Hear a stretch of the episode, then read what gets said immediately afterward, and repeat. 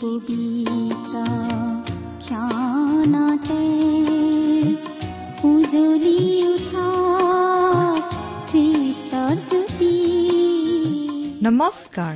আমাৰ মৰমীয়াল প্ৰভু যীশুৰ মহান নামেৰে আপোনাক এয়া ভক্তিবচন অনুষ্ঠানলৈ আদৰিছো।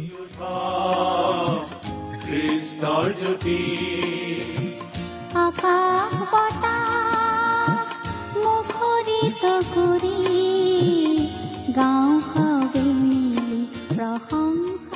ঈশ্বৰে আপোনাক যি অসীম প্ৰেম কৰিলে তাক যদি অনুভৱ কৰিব বিচাৰে আৰু তেওঁৰ অগম্য বাক্যৰ মৌ মিঠা সোৱাদ ল'ব বিচাৰে তেন্তে আহক আজিৰ ভক্তিবচন অনুষ্ঠানটো মনোযোগেৰে শুনো। এয়া আপোনালৈ আগবঢ়াইছো ঈশ্বৰৰ জীৱন্ত বাক্যৰ অনুষ্ঠান ভক্তিবচন।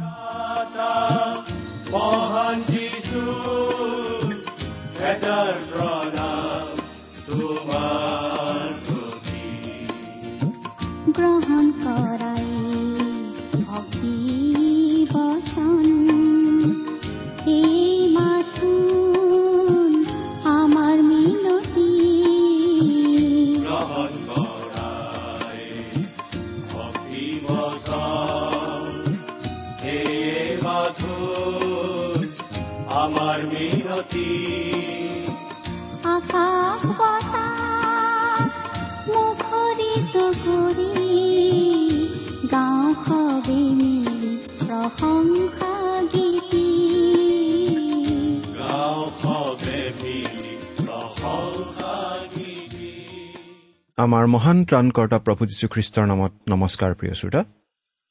প্ৰথমতে আপোনাক ধন্যবাদ জনাইছো আমাৰ এই অনুষ্ঠান শুনি থকাৰ কাৰণে। এই বাইবেল অধ্যয়নৰ অনুষ্ঠান আমি অতি আগ্ৰহেৰে প্ৰস্তুত কৰোঁ আৰু অতি আশাৰে প্ৰচাৰ কৰোঁ আমাৰ শ্ৰোতাসকলৰ সহায় হওক বুলি। যদিও এই কাম কৰাৰ বাবে আমি নিজকে উপযুক্ত বুলি নাভাবোঁ কিন্তু আমাৰ মহান প্ৰভু যীশুখ্ৰীষ্টৰ বাণী প্ৰকাশ কৰাৰ যি দায়িত্ব সেই দায়িত্বৰ প্ৰতি সঁহাৰি দিবলৈ চেষ্টা কৰিয়েই আমি আজিলৈকে এই কাম কৰি আহিছোঁ। এই কাম কৰাত আমি কিমান দূৰ সফল হৈছোঁ তাৰ বিচাৰ আপোনালোকৰ হাতত। অনুগ্ৰহ কৰি আপোনাৰ মতামত আমাক জনাবনে?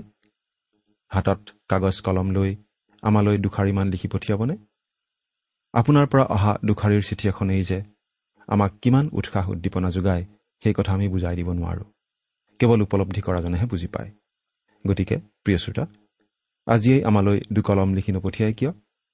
আমাৰ ঠিকনা ভক্তিবচন টি ডব্লিউ আৰ ইণ্ডিয়া ডাক বাকচ নম্বৰ সাত শূন্য গুৱাহাটী সাত আঠ এক শূন্য শূন্য এক। ভক্তিবচন T W R India postbox number seventy Guwahati seven eight one zero' zero' one. আমাৰ website W W W dot radio' eight eight two dot com. প্ৰিয় শ্ৰোতা আমি আজি কিছুদিন ধৰি বাইবেলৰ নতুন নিয়ম খণ্ডৰ পিতৰৰ দ্বিতীয় পত্ৰ নামৰ পুস্তকখন অধ্যয়ন কৰি আছো। নহয় জানো? আপুনি যদি আমাৰ আগৰ অনুষ্ঠানটো শুনিছিল তেনেহ'লে আপোনাৰ নিশ্চয় মনত আছে যে আমি যোৱা অনুষ্ঠানত এই দ্বিতীয় পিতৰ পুস্তকৰ দুই নম্বৰ অধ্যায়ৰ তেৰ নম্বৰ পদলৈকে পঢ়ি আমাৰ আলোচনা আগবঢ়াইছিলোঁ। আমি এটা বিশেষ কথা আলোচনা কৰি আছো। সেইটো হৈছে ভাৰী কোৱা বা ভুৱা উপদেশকৰ কথা।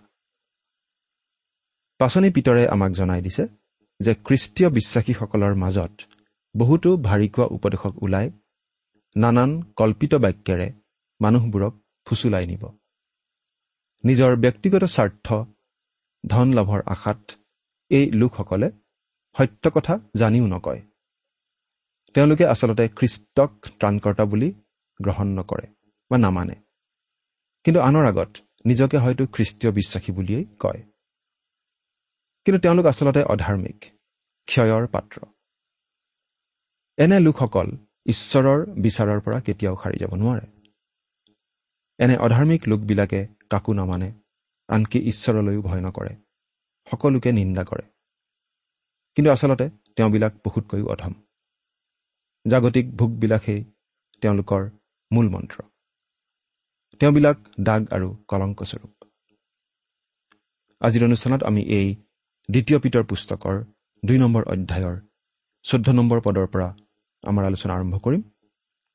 আহকচোন। আজিৰ বাইবেল অধ্যয়ন আৰম্ভ কৰাৰ আগতে পৰম পিতা পৰমেশ্বৰৰ ওচৰত প্ৰাৰ্থনাত মূৰ্ণত কৰোঁ হওক। আমি প্ৰাৰ্থনা কৰোঁ স্বৰ্গত থকা আমাৰ অসীম দয়ালু কৰোণাময় পিতৃ ঈশ্বৰ তোমাক ধন্যবাদ জনাইছো। কিয়নো তোমাৰ চৰণত বহি তোমাৰ মহান বাক্য বাইবেল শাস্ত্ৰ অধ্যয়ন কৰি তোমাৰ মাত শুনিবলৈ তুমি আমাক আকৌ এই সুন্দৰ সময় আগবঢ়ালা। প্ৰভু আমি দুৰ্বল পাপী মানুহ তোমাৰ নাম লোৱাৰেই যোগ্য নহওঁ। কিন্তু একমাত্ৰ প্ৰভু যীশুত ভৰসা কৰি তোমাৰ ওচৰ চাপিছো পিতা তুমি আমাৰ প্ৰাৰ্থনা শুনা। তোমাৰ বাক্য বুজাত আমাক সহায় কৰা। আমাৰ দৈনন্দিন জীৱনৰ বাবে প্ৰয়োজনীয় শিক্ষা আমাক দিয়া। আমাৰ আত্মিক জীৱনৰ উন্নতিৰ বাবে আমাক শিকোৱা। আমাৰ প্ৰত্যেককে তোমাৰ প্ৰেমৰ সোৱাদ ল'বলৈ দিয়া। আমাৰ প্ৰত্যেকৰে আগত প্ৰভু যীশুৰ যোগেদি আগবঢ়োৱা পৰিত্ৰাণৰ আঁচনি প্ৰকাশ কৰা। অনুষ্ঠান শুনি থকা আৰু কিবা কাৰণত আজি শুনিব নোৱাৰা আমাৰ প্ৰতিজন শ্ৰোতাক তুমি উপচি পৰাকৈ আশীৰ্বাদ কৰা। কিয়নো এই প্ৰাৰ্থনা আমাৰ হকে ক্ৰুচত প্ৰাণ দি আমাৰ পাপৰ প্ৰায়চিত্ৰ কৰি তৃতীয় দিনা পুনৰ জি উঠি এতিয়া স্বৰ্গত আমাৰ হকে নিবেদন কৰি থকা মৃত্যুঞ্জয় প্ৰভু যীশুখ্ৰীষ্টৰ নামত আগবঢ়ালো। আমেন।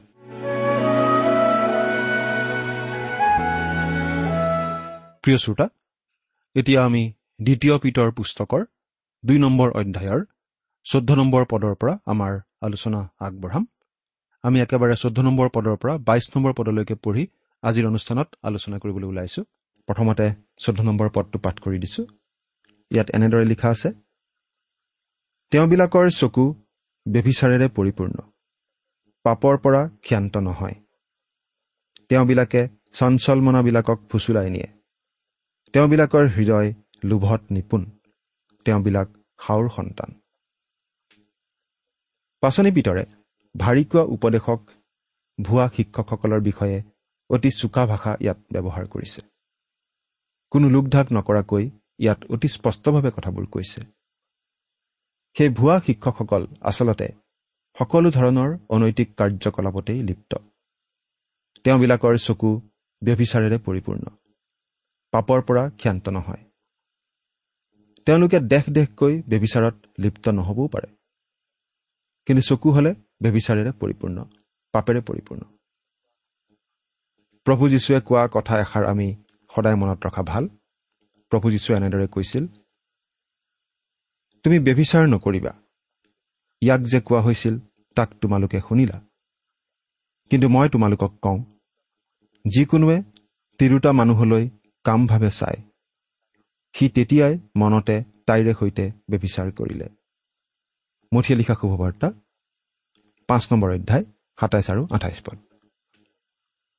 তেওঁবিলাকে চঞ্চল মনাবিলাকক ফুচুলাই নিয়ে অপথে লৈ যায়। তেওঁবিলাক লোভৰ বশৱৰ্তী হৈয়েই সকলো কাম কৰে। তেওঁবিলাক সাওৰ সন্তান তেওঁবিলাক ঈশ্বৰৰ সন্তান নহয়। পোন্ধৰ নম্বৰ পদটো পঢ়িছো। তেওঁবিলাকে পোন পথ ত্যাগ কৰি অপথে গৈ বিউৰৰ পুত্ৰ যি বিলিয়ম তেওঁৰ পথত চলিলে। এই বিলিয়মৰ কথা নতুন নিয়মৰ শেষৰ পিনৰ পুস্তককেইখনত তিনিবাৰ উল্লেখ কৰা হৈছে। এই দ্বিতীয় পিতৰত আমাক কোৱা হৈছে বিলিয়মৰ পথ অৰ্থাৎ অপথে যোৱাৰ কথা। জিহুদাত কোৱা হৈছে বিলিয়মৰ ভুল কাৰ্যৰ কথা। আৰু প্ৰকাশিত বাক্যত কোৱা হৈছে বিলিয়মৰ মতবাদৰ কথা। প্ৰত্যেকটো কথাই বেলেগ বেলেগ। বিলিয়মৰ পথনো কি? পিতৰে কৈছে বিউৰৰ পুত্ৰ বিলিয়মে অধাৰ্মিকতাৰ বেচক ভাল পাইছিল। বিলিয়মে জানিছিল যে তেওঁ ইছৰাইলৰ লোকবিলাকৰ বিৰুদ্ধে ভাৱবাণী কৰিবলৈ যোৱাটো উচিত নহয়। কিন্তু সেই কাম কৰিলে তেওঁক যে বহুত ধন দিব সেই কথা জানি তেওঁ সেই ধনলৈ লোভ কৰিছিল। গতিকে বিলিয়মৰ পথ মানে আমি বুজি পাওঁ ধনৰ লোভত বা ব্যক্তিগত লাভৰ আশাত ধৰ্মীয় কাম কৰা কথা। ইয়াত পিতৰে কৈছে যে ভাৰিকোৱা উপদেশকবিলাকে ব্যক্তিগত লাভৰ আশাত ধনৰ আশাতহে সকলো কাম কাজ কৰে। তেওঁলোক লোভৰ দাস। এতিয়া ষোল্ল নম্বৰ পদটো পঢ়ি দিম। তেওঁ অধাৰ্মিকতাৰ বেচক ভাল পাইছিল কিন্তু নিজ অপৰাধৰ কাৰণে অনুযুক্ত হ'ল। অৰ্থাৎ অবাক গাধই মানুহৰ মাতেৰে কথা কৈ ভাৱবাদীৰ নিৰ্বোধতা নিবাৰণ কৰিলে। বিলিয়মে ইছৰাইলৰ বিৰুদ্ধে ভাৱবাণী কৰিবলৈ যাবলৈ হেতা ওপৰা লগাইছিল ধনৰ আশাত। কিন্তু তেওঁ যিটো গাধৰ ওপৰত বহি যাব ধৰিছিল সেই গাধটোৱেই তেওঁক কথা ক'লে।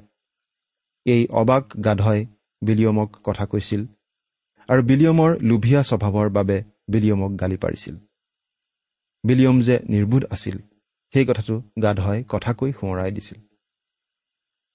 প্ৰিয় শ্ৰোতা আমি এটা অলপ গুৰুত্বপূৰ্ণ কথা ক'ব খুজিছোঁ। কোনো এজন লোক প্ৰকৃততে খ্ৰীষ্টৰ সেৱক হয়নে নহয়? প্ৰকৃত শিক্ষক হয়নে নহয়? সেই কথাটো জানিবৰ এটা উপায় আছে। সেই মানুহজনে কেনেধৰণৰ ঘৰত থাকে? কেনেধৰণৰ জীৱন যাপন কৰে? মানুহজনৰ সা সম্পত্তি কিমান? সেইবোৰ কথাৰ পৰাই আমি মানুহজনৰ বিষয়ে এটা ধাৰণা কৰি ল'ব পাৰোঁ। ভুৱা উপদেশক ভাৰী কোৱা শিক্ষকবিলাকে বিলিয়মৰ পথত চলে। অৰ্থাৎ ধন অৰ্জন কৰাই তেওঁলোকৰ মুখ্য উদ্দেশ্য।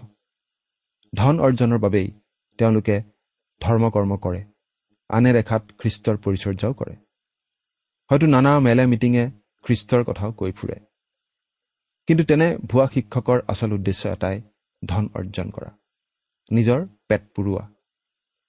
গতিকে যিসকল শিক্ষক প্ৰচাৰকে কেৱল পুঁজি সংগ্ৰহ টকা পইচা গোটোৱা কামতেই বেছি গুৰুত্ব দিয়ে তেনেকুৱা লোকৰ পৰা আমি অলপ সাৱধানে থকাই ভাল। সোতৰ নম্বৰ পদটো পঢ়িম।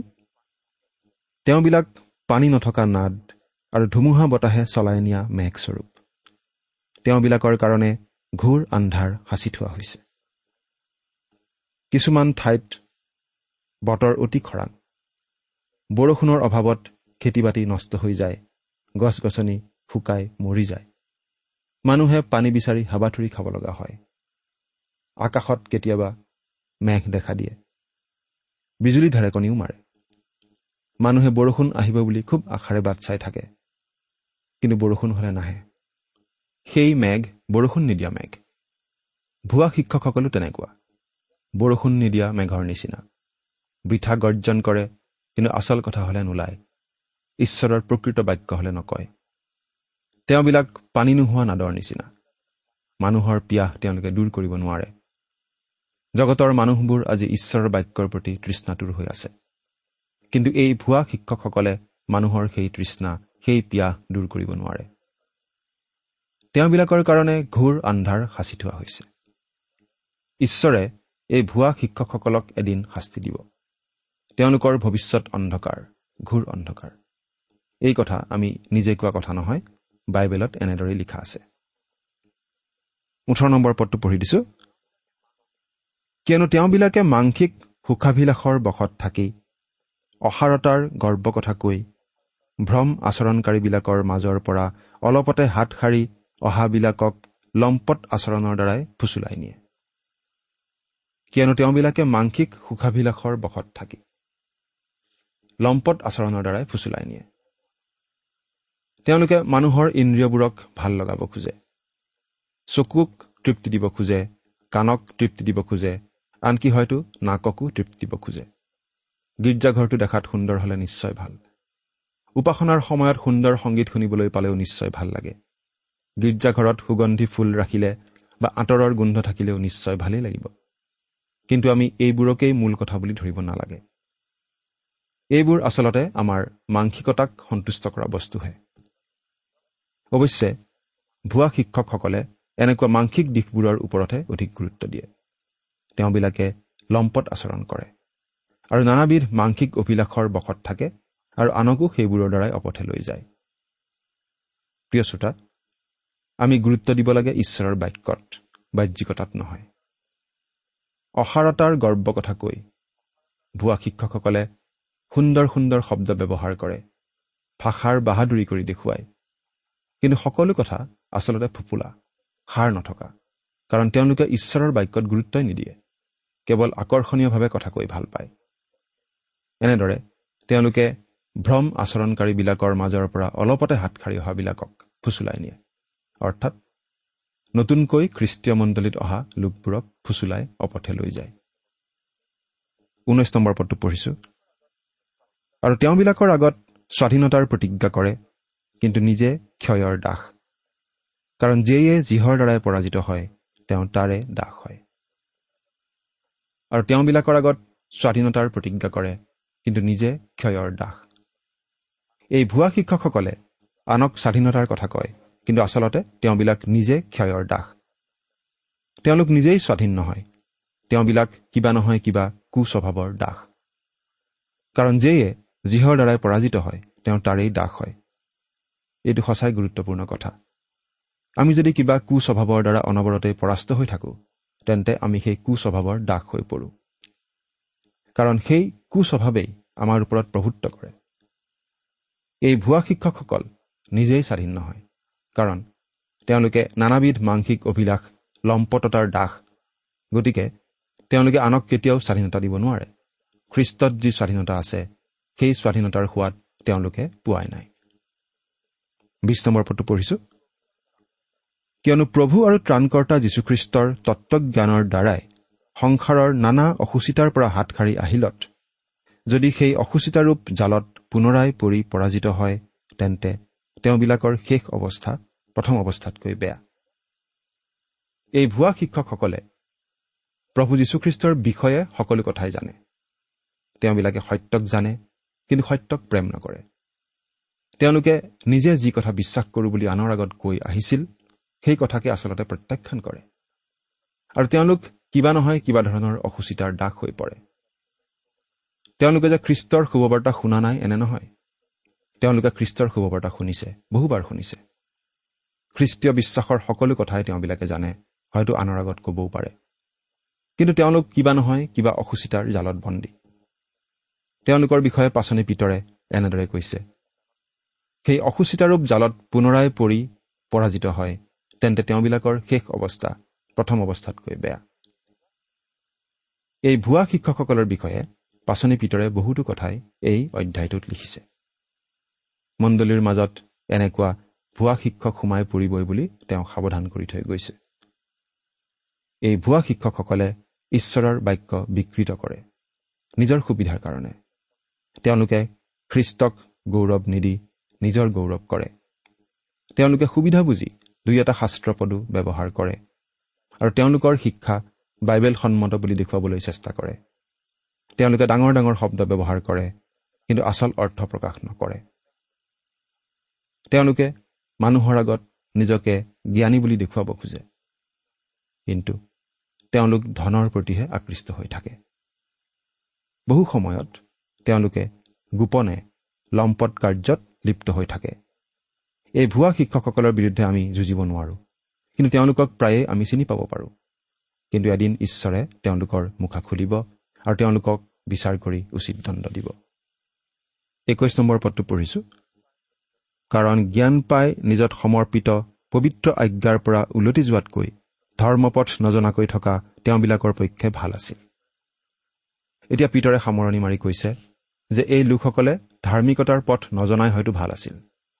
ধাৰ্মিকতাৰ পথ জনাৰ পাছতো শুভবাৰ্তাৰ সত্যৰ প্ৰতি পিঠি দি অসুচিতাৰ পথ লোৱাতকৈ ধাৰ্মিকতাৰ পথ তেওঁলোকে নজনাকৈ থকাই ভাল আছিল। প্ৰিয় শ্ৰোতা আপুনি আজিও খ্ৰীষ্টৰ শুভবাৰ্তা শুনিছে। খ্ৰীষ্টক বিশ্বাস কৰি সকলো পাপৰ পৰা ক্ষমা লাভ কৰি পৰিত্ৰাণ লাভ কৰিব পাৰে বুলি জানিছে। খ্ৰীষ্টই আপোনাৰ সকলো পাপৰ শাস্তি নিজে বহন কৰি ক্ৰুচত আপোনাৰ হৈ মৃত্যুবৰণ কৰিলে বুলি গম পাইছে। গতিকে খ্ৰীষ্টক ত্ৰাণকৰ্তা বুলি গ্ৰহণ কৰিলে আপুনি যে আৰু শাস্তি পাব নালাগে আৰু আপুনি যে ঈশ্বৰৰ দৃষ্টিত সম্পূৰ্ণ ধাৰ্মিক বুলি পৰিগণিত হৈ অনন্ত জীৱনৰ অধিকাৰী হ'ব পাৰে সেই কথা আপুনি জানিছে। গতিকে যদিহে আপুনি যীশুখ্ৰীষ্টক গ্ৰহণ নকৰে তেতিয়াহ'লে আপুনি শেষ বিচাৰৰ দিনা ঈশ্বৰৰ আগত ক'ব নোৱাৰিব। যে আপুনি কেতিয়াও খ্ৰীষ্টৰ বিষয়ে শুনাৰ সুবিধা পোৱা নাই। আপুনি কেতিয়াও খ্ৰীষ্টৰ কথা শুনা নাই বুলি আপুনি শেষ বিচাৰৰ দিনা ঈশ্বৰৰ আগত ক'ব নোৱাৰিব। আজি আপুনি যীশুখ্ৰীষ্টৰ শুভবাৰ্তা শুনিলে। এই অনুষ্ঠানৰ যোগেৰেও শুনিলে। গতিকে কেতিয়াও খ্ৰীষ্টৰ শুভবাৰ্তা শুনিবলৈ নোপোৱা লোক এজনৰ তুলনাত আপোনাক ঈশ্বৰে অধিক কঠিনভাৱে বিচাৰ নকৰিবনে? চিন্তা কৰি চাওকচোন। প্ৰিয় শ্ৰোতা যদিহে আপুনি যীশুখ্ৰীষ্টৰ এই শুভবাৰ্তা শুনিও যদিহে আপুনি যীশুখ্ৰীষ্টৰ বিষয়ে জানিও সেই যীশুখ্ৰীষ্টক প্ৰত্যাখ্যান কৰে তেতিয়াহ'লে আপোনাৰ অৱস্থাটো কেতিয়াও খ্ৰীষ্টৰ শুভবাৰ্তা শুনিবলৈ নোপোৱা লোকজনতকৈ বেয়া নহ'বনে বাৰু? চিন্তা কৰি চাওকচোন। প্ৰিয় শ্ৰোতা এই যে কথাটো আমি আপোনাক কৈছো আপোনাক ভয় খুৱাবৰ কাৰণে আমি কোৱা নাই। কথাটো যাতে আপুনি গুৰুত্ব সহকাৰে চিন্তা কৰি চায় সেইবাবেহে এই কথাটো আপোনাক আমি জনাই দিছো। এতিয়া বাইশ নম্বৰ পদটো পঢ়ি চাওঁ। কুকুৰে নিজৰ বাতিলৈ আৰু ধুওৱা গাহৰিয়ে বোকাত লেটি ল'বলৈ আকৌ ওলটি যায়। এই স্বৰূপ পতন্তৰৰ দৰে তেওঁবিলাকলৈ ঘটিল। পাচনি পিতৰে এই ভুৱা শিক্ষকসকলক বুজাবলৈ কুকুৰ শব্দটোও ব্যৱহাৰ কৰিব লগা হৈছে। যিহুদী লোকসকলে কুকুৰক অতি নিম্ন খাপৰ জন্তু বুলি ভাবে। কুকুৰে নিজৰ বাতিলৈ আকৌ উভতি যায়। এই কথাটো আমি হিতুপদেশ ছাব্বিছ নম্বৰ অধ্যায়ৰ এঘাৰ নম্বৰ পদত পঢ়িবলৈ পাওঁ। কুকুৰে নিজৰ বাতিলৈ আকৌ উভতি যায়। ঠিক তেনেকৈ এই ভুৱা শিক্ষকসকলেও আকৌ নিজৰ জীৱনৰ ঘীনলগীয়া অৱস্থালৈ ঘূৰি যায়। আৰু তেওঁলোকৰ প্ৰকৃত স্বভাৱ কি সেই স্বভাৱ তেওঁলোকে প্ৰকাশ কৰি দেখুৱায়। তাৰপিছত কৈছে ধুওৱা গাহৰিয়ে বোকাত লেটি ল'বলৈ আকৌ ওলটি যায়। প্ৰিয় শ্ৰোতা লেতেৰা গাহৰি এটা চাবোন মাৰি গা ধুৱাই তাৰ গাত সুগন্ধি আঁতৰ সানি দিলেও সেই গাহৰিটোৱে সুবিধা পালেই আকৌ বোকাত নামিবলৈ যাবই। নহয়নে বাৰু? আমি যিমান সাৱধানে নাৰাখিলেও সুবিধা পালেই সেই গাহৰি আকৌ বোকাত নামিবগৈ। কিয় বাৰু? কাৰণ গাহৰিৰ সেইটোৱেই স্বভাৱ। গাহৰিয়ে বোকাত থাকিয়েই ভাল পায়। অপব্যয় পুত্ৰৰ কাহিনীটো আপোনাৰ মনত আছেনে বাৰু প্ৰিয় শ্ৰোতা? সেই অপব্যয় পুত্ৰই পিতাকৰ ঘৰৰ পৰা আঁতৰি গৈ শেষত সকলো ধন সম্পত্তি খৰচ কৰি ইমান বেয়া অৱস্থাত পৰিছিল যে গাহৰিৰ লগত একেলগে থাকিব লগা অৱস্থা হৈছিল। গাহৰিৰ আহাৰ খাব লগা অৱস্থা হৈছিল। সেই অৱস্থাত থাকি সেই অপব্যয় পুত্ৰই কিন্তু ভাল পোৱা নাছিল। আৰু অৱশেষত সেই অপব্যয় পুত্ৰৰ মনত অনুশোচনা লাগিছিল নিজৰ পিতৃৰ ঘৰলৈ মনত পৰিছিল। আৰু সেইকাৰণে সেই অপব্যয় পুত্ৰই সেই গাহৰিবিলাকৰ সংগ এৰি আকৌ নিজৰ পিতাকৰ ঘৰলৈ উভতি আহিছিল। সেই পিতাকে পুত্ৰক আকৌ মৰমেৰে আঁকোৱালিলৈ গ্ৰহণ কৰিছিল। সেই পুত্ৰক নতুন কাপোৰ পিন্ধাইছিল। কিন্তু যদি সেই অপব্যয় পুত্ৰৰ লগত এটা গাহৰিও আহিলহেঁতেন আৰু সেই গাহৰিটোকো যদি ধুৱাই পখলাই নতুন কাপোৰ পিন্ধোৱা হলহেঁতেন তেতিয়া বাৰু গাহৰিটোৱে কেনেকুৱা পালেহেঁতেন? গাহৰিটোৱে বাৰু সেই সুন্দৰ পৰিৱেশত থাকি ভাল পালেহেঁতেন নে? নিশ্চয় নাপায়।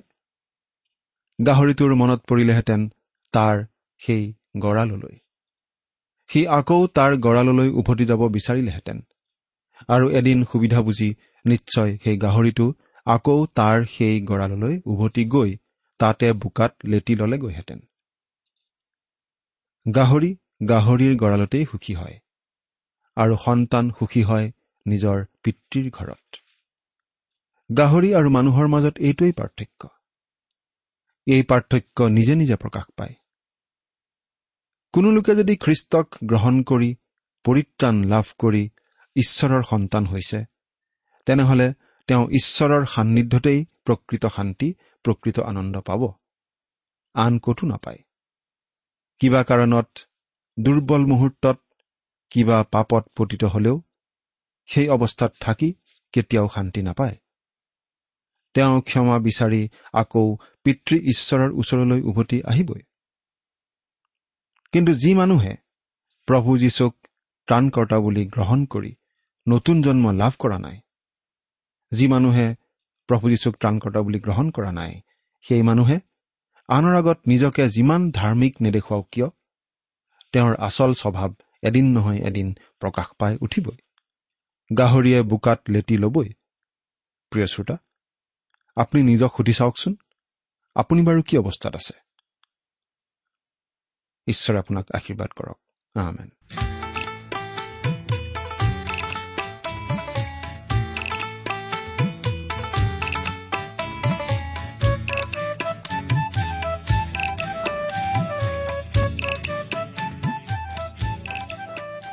ইমান পৰে আপুনি ভক্তিবচন অনুষ্ঠানটি শুনিলে। অনুষ্ঠানটি শুনি কেনে পালে? আমালৈ চিঠি লিখি জনাবচোন। অনুষ্ঠানত প্ৰচাৰ কৰা কোনো কথা বুজিব লগা থাকিলেও আমালৈ লিখক। আমাৰ ঠিকনা ভক্তিবচন টি ডাব্লিউ আৰ ইণ্ডিয়া ডাক পাকচ নম্বৰ সাত শূন্য গুৱাহাটী সাত আঠ এক শূন্য শূন্য এক। ঠিকনাটো আৰু এবাৰ কৈছো ভক্তিবচন টি ডাব্লিউ আৰ ইণ্ডিয়া ডাক পাকচ নম্বৰ সাত শূন্য গুৱাহাটী সাত আঠ এক শূন্য শূন্য এক। আপুনি ইমেইল যোগেৰেও আমাৰ সৈতে যোগাযোগ কৰিব পাৰে। আমাৰ ইমেইল আইডিটো হৈছে Assamese T TV at radio' eight eight two dot com. আইডিটো আকৌ এবাৰ কৈছো। Assamese T TV at radio' eight eight two dot com. আপুনি টেলিফোনৰ মাধ্যমেৰেও আমাক যোগাযোগ কৰিব পাৰে। আমাৰ টেলিফোন নম্বৰটো হৈছে শূন্য তিনি ছয় এক দুই ছয় শূন্য চাৰি ছয় সাত এক।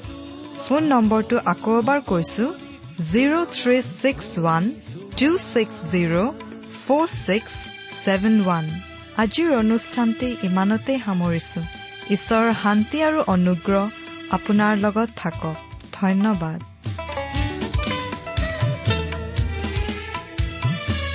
যিশুৱে মাতে আহা কাষৰে ভয় শংকা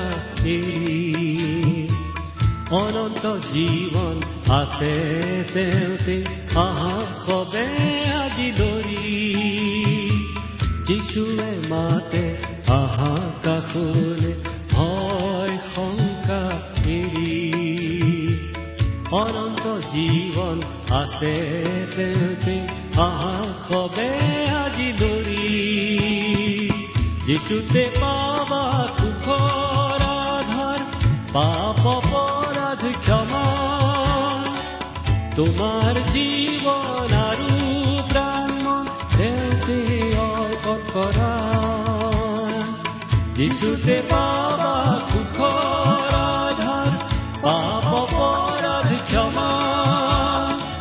জীৱন আৰু প্ৰাণ তেওঁতে অৰ্পণ কৰা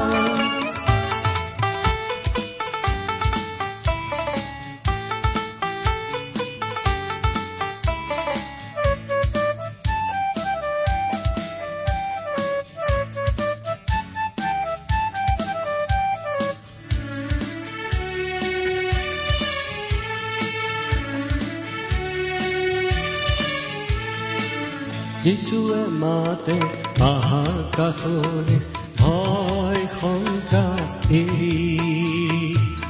অনন্ত জীৱন আছে তেওঁতে আহা সবে আজি দৰি যিশুৱে মাতে আহা কাষৰে ভয় শংকা অনন্ত জীৱন আছে তেওঁতে আহা সবে যিচুতে পাবা সুখৰ আধাৰ পাপ অপৰাধ ক্ষমা। তোমাৰ জীৱন আৰু প্ৰাণ তেওঁতে অৰ্পণ কৰা যিচুতে পাবা সুখৰ আধাৰ পাপ